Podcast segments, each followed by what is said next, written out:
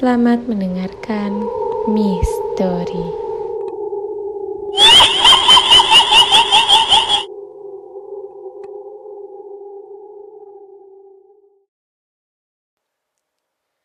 Assalamualaikum warahmatullahi wabarakatuh. Selamat datang dan selamat mendengarkan Mystery. Oke, hari ini adalah hari pertama podcast misteri dibuat bersama-sama aku, Nana. Oke, um, podcast misteri ini bakalan diisi sama konten-konten bercerita tentang pengalaman dengan dia yang tak kasat mata atau bisa kita sebut hantu.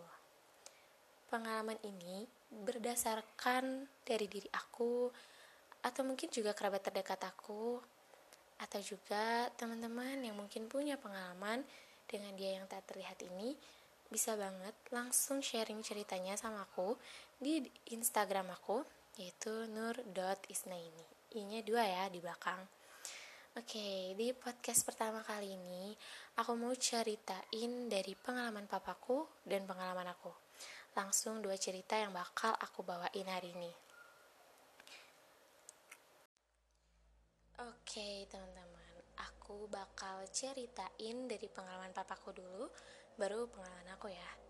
Jadi gini, sebelum adanya masa pandemi COVID-19, papaku itu selalu berangkat kerja setelah azan subuh. Kira-kira itu jam 4 lebih 30 menit pagi lah kira-kira ya.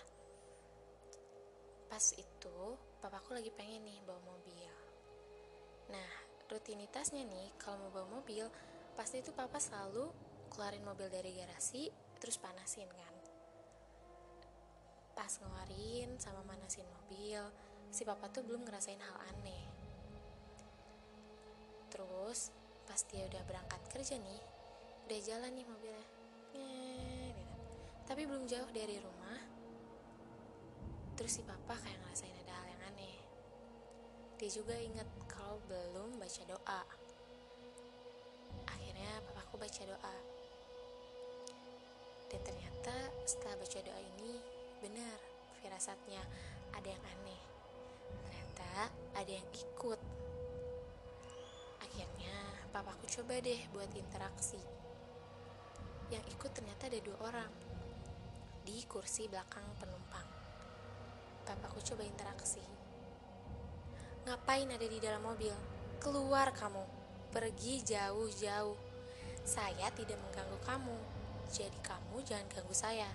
Itu kata. Terus kalian tahu, si hantunya menjawab. Saya cuma mau numpang aja Pak Guru. Sampai depan aja. Dia ngomong kayak gitu. Nah kebetulan nih papaku ini Kalau di daerah rumahku ini Dipanggil Pak Guru. Jadi kayak Udah ketahuan lah si hantunya ini Dari daerah sini Terus papaku tetap ngotot ngusir mereka Enggak, turun sekarang Saya mau berangkat kerja tapi si hantu masih ngebujuk aja teman-teman. Tetap mau nebeng sama papaku sampai depan aja katanya. Tapi papaku kan terus mengusirnya ya. Tetap pakai bahasa halus aja gitu. Akhirnya si hantu pun pergi.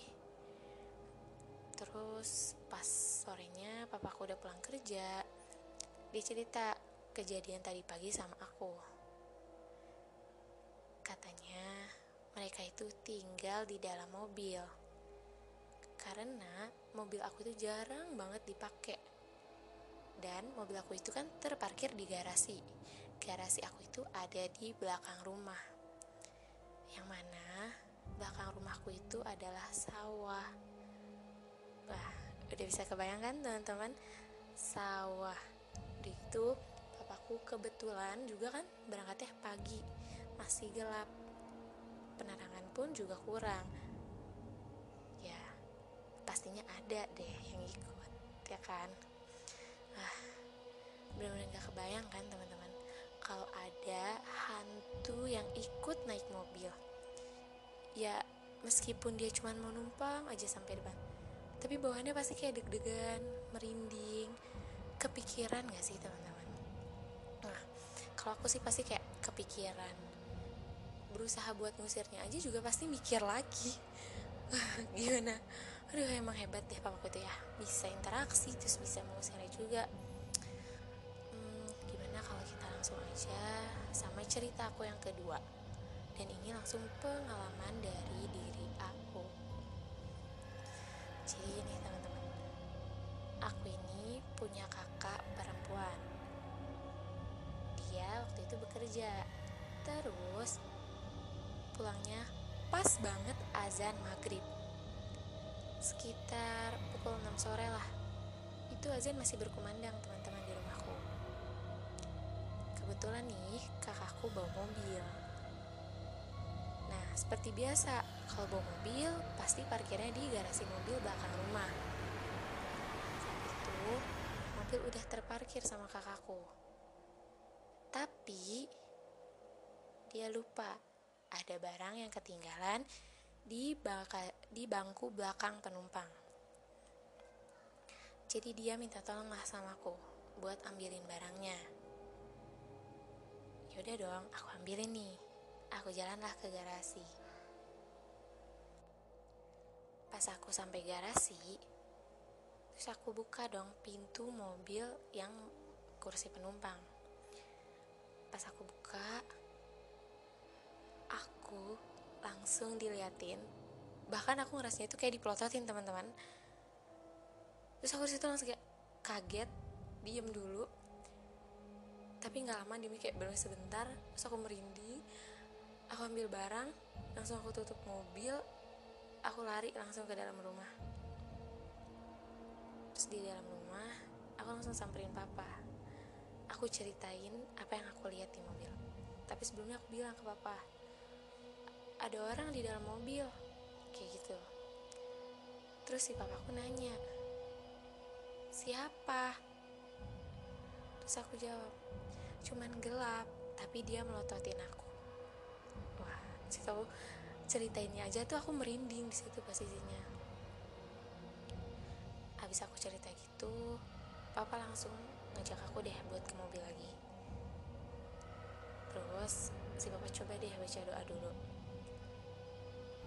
Dan ternyata tuh pas aku cerita di dalam rumah pun papa udah emang ngerasa emang ada gitu di dalam mobil. Akhirnya pas di kita ke garasi mobil si papa coba interaksi. Papa coba nanya kamu siapa? Ngapain ada di dalam mobil? Papaku nanya gitu. Wah lagi-lagi si hantunya menjawab teman-teman. Dari tadi udah di mobil. Bareng anak perempuan bapak pulang kerja katanya si hantu. Terus si bapakku usir dong karena kan kita nggak mengganggu. Akhirnya papaku bilang ya udah sekarang kamu pergi. Jangan ganggu. Kami di sini nggak ada yang ganggu kamu. Papaku bilang gitu kan. Udah akhirnya si hantu pun hilang. Setelah papaku coba interaksi dan baca doa papaku bilang udah Kaisna gak usah takut. Udah pergi katanya kepadaku kan. Terus kita masuk deh ke dalam rumah nih. Habis itu si papa nanya ke kakakku kamu tadi pulang sama siapa aja? Si kakakku jawab bertiga sama Vio dan Faisal. Terus papaku bilang enggak kamu di situ berempat. Terus kakakku kaget. Dia bilang enggak aku bertiga. Terus papaku nanya duduknya kayak gimana aja posisinya? Kakakku jawab aku yang bawa mobil terus kak Faisal di sebelahku kak Vio di belakang katanya. Terus papaku bilang iya itu di sebelah Vio ada yang duduk. Wah kakakku bener kayak kaget gak percaya. Apalagi aku gitu teman-teman. Aku yang lihat wah kaget banget sih ya kan? Terus abis itu dia langsung kayak merinding aja si kakakku ini aku bilang iya apalagi aku lah aku lebih merinding. Aku ngeliat kak dia melototin aku gitu. Aku ceritain gitu ke kakakku aduh. Saat itu baru kayak aduh merinding banget ya teman-teman. Posisinya tuh aku ngeliat. Coba deh teman-teman bayangin. Dipototin terus gelap. Udah gitu garasi belakang rumahku itu emang penerangannya juga kurang gitu loh teman-teman. Kurang banyak lah. Ada tapi nggak banyak gitu ya udah ada terang gitu tapi kurang terang gimana ya? Pokoknya gitu deh teman-teman. Intinya sih ya teman-teman kalau dari dua cerita dari pengalaman yang hampir sama ini yang dia ikut di dalam mobil intinya sih kita tuh harus selalu berdoa dulu sebelum jalan kan? Biar kita tuh terlindungi dari yang dan juga kita dilindungi sama Tuhan yang Maha Esa kita. Ya terus dari kejadian ini juga teman-teman boleh percaya ataupun tidak tapi ya ya seperti yang teman-teman ketahui di dunia ini bukan cuman ada manusia pastinya. Aduh udah deh teman-teman podcastnya itu dulu. Dadah